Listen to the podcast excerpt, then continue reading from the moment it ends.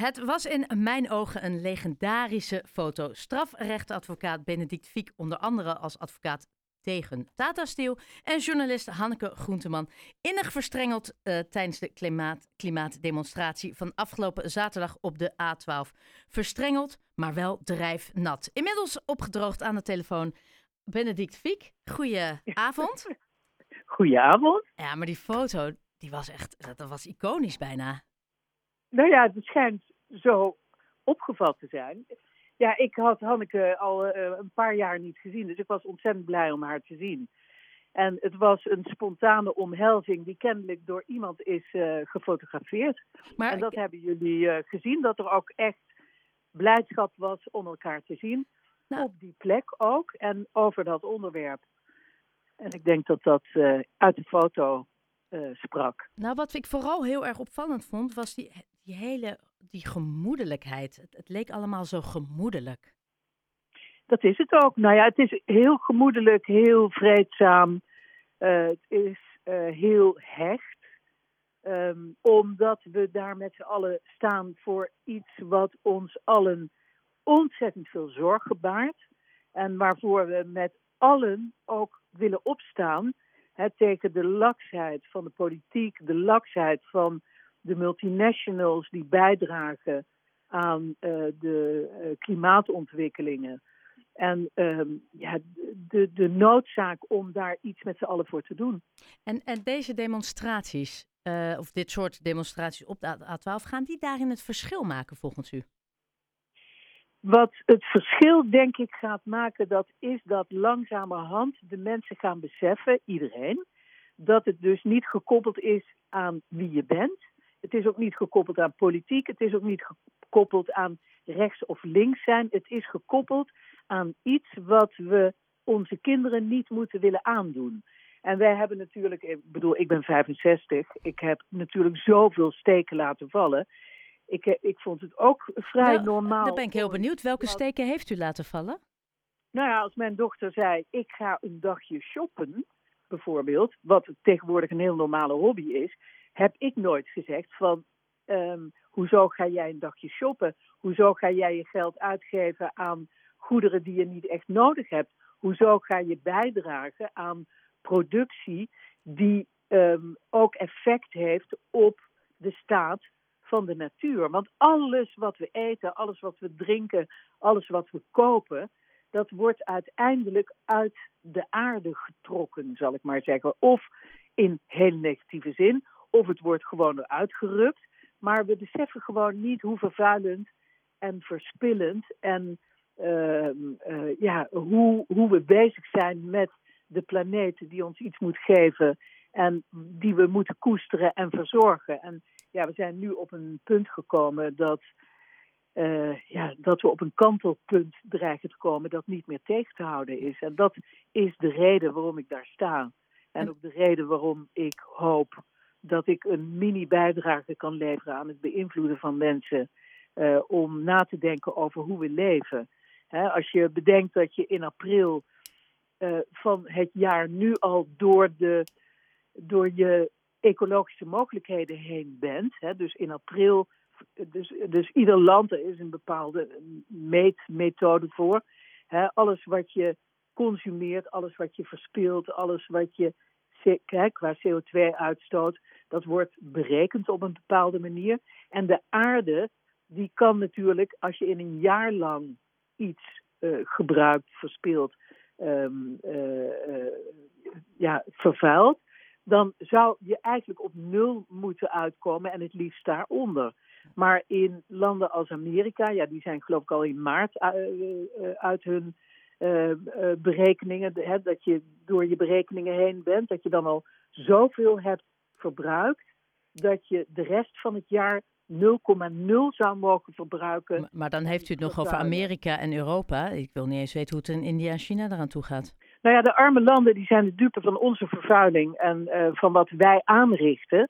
De vervuiling die veroorzaakt wordt door de rijkste landen, die is vele malen groter dan de vervuilingsgevolgen uh, voor de arme landen. En de mate waarin, ik dacht ook altijd, ik denk nou die vervuiling in de arme landen, die is veel groter. En dat blijkt dus niet het geval te zijn. Het zijn vooral de rijkste landen die uh, verantwoordelijk zijn voor de meeste en de ernstigste bijdragen aan het vervuilen van onze planeet. En, en wat ik zo uh, hebben, vroeger zeiden we altijd, oh die klimaatactivisten, en dat zijn dan de grijze wollen sokken typjes. Maar niet alleen u en Hanneke Groenteman waren zaterdag op de A12, maar ook actrice Carice van Houten, zangeres Lakshmi, die waren allemaal op de A12, hebben enorm veel volgers, posten die foto's Mhm. op Instagram.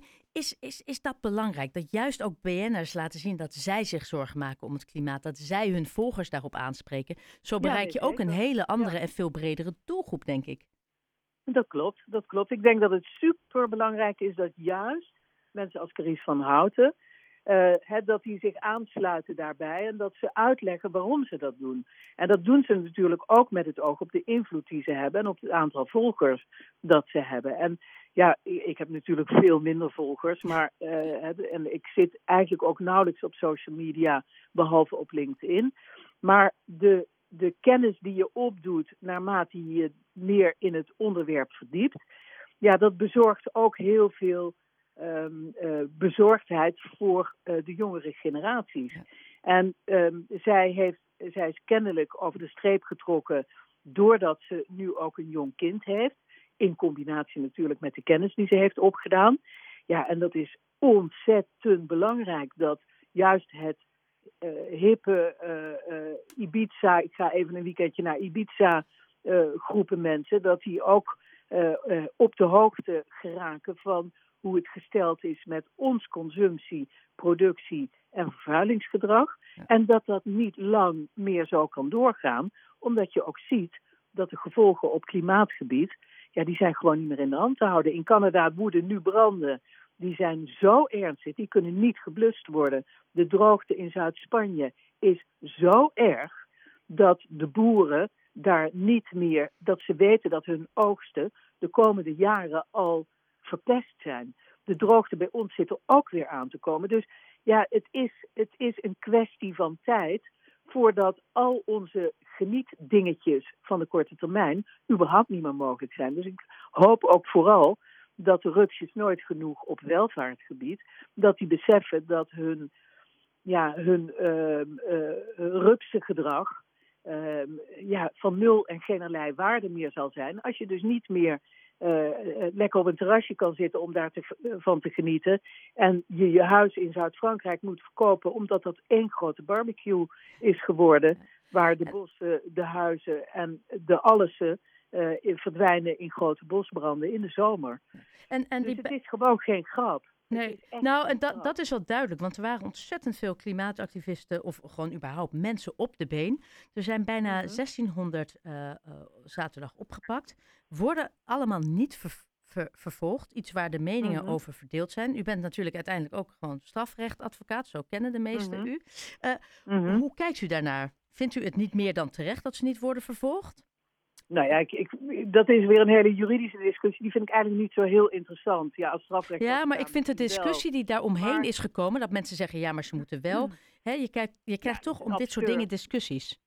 Nee, maar kijk, je krijgt discussie dan over eh, het recht op demonstratie. En dat is een, eh, een grondrecht dat je hebt. En het recht op demonstratie impliceert dat je dat op een plek doet waar je gezien en gehoord wordt door de mensen die je wilt bereiken. En dat is toevallig dat stukje van de aanrijroute naar een snelweg. Helemaal niet een snelweg zelf. Het is gewoon een stukje aanrijroute naar een snelweg gelegen tussen het ministerie van Klimaat en het ministerie van Economische Zaken.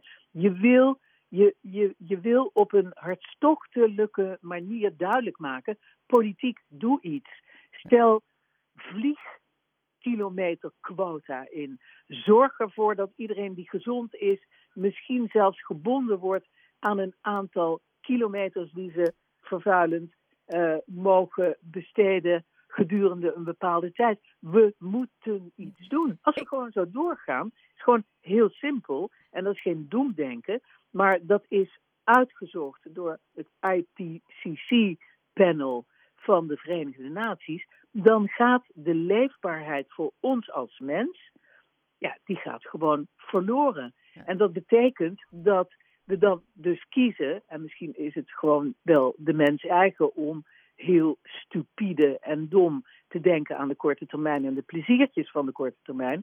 Maar het is toch onvoorstelbaar dat het huis waarin je woont, dat je dat aan de bovenkant laat uitwonen door de vervuilende groep en het gewoon prima vindt dat ze je huis in brand steken. Nou, liever niet mijn huis, eerlijk gezegd.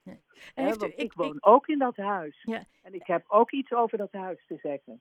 Dus in die zin vind ik het uh, absurd uh, dat uh, de, de, de huisinbrandstekers dat die zoveel ruimte in mogen nemen om dat huis waar ik ook in woon in brand te mogen steken. Liever niet.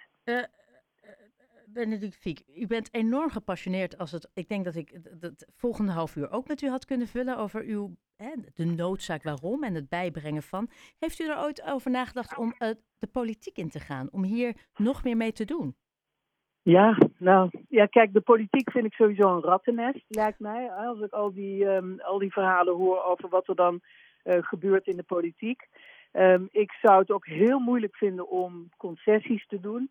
Uh, ik zou wel uh, mijn stem willen uitlenen aan, uh, aan partijen die het juiste nastreven op dit vlak. Welke dus partij dus zou dan het meest bij u passen? Waarvan u denkt, daar heb ik vertrouwen in? Ja, ja dat, dat zijn dan toch de groene partijen. de Partij voor de Dieren. Ik zou liever willen dat ze zichzelf de Partij voor de Planeet noemen of iets dergelijks. Maar, hm. hè, want het is niet alleen de dieren. We moeten nu ook juist vechten voor een leefbare uh, planeet voor de mens. Die dieren die overleven het wel in beperkte mate. En de planeet overleeft altijd. Maar wij zullen als mens, zullen wij gewoon het veld, we zullen er gewoon vanaf gegooid worden als dit zo doorgaat. En ik ben tegelijkertijd ook heel pessimistisch soms. Ik bedoel, de psychopathische machthebbers, ja, die dat interesseert ze echt geen ene ruk wat er gebeurt met het klimaat. En u denkt niet dat u daar verandering in zou kunnen brengen in de politiek? Ik, zie het ik zie dit helemaal zitten, hè? ik heb het al opgelost. nou, ik, eh, ik wou dat, um, dat ik de illusie had dat ik de, um, uh, ja, de, de echt inhalige mens die alleen maar bezig is met eigen belang, dat ik die zou kunnen beïnvloeden. Uh, maar nogmaals, als een uh, groene partij uh, wil dat ik een, een praatje hou Um, uh, vooral om de tegenstander te overtuigen. Met alle plezier. Ik bedoel, ik ben gewend om te pleiten. Dus ik wil voor de groene zaak. Uh, wil ik mijn stem absoluut uitlenen. Geen enkel probleem. Uh, strafrechtadvocaat Benedict Fiek, heel erg bedankt voor uw tijd en voor uw visie. Mooi om te horen. Dank u wel. Oké, okay, graag gedaan. Dag.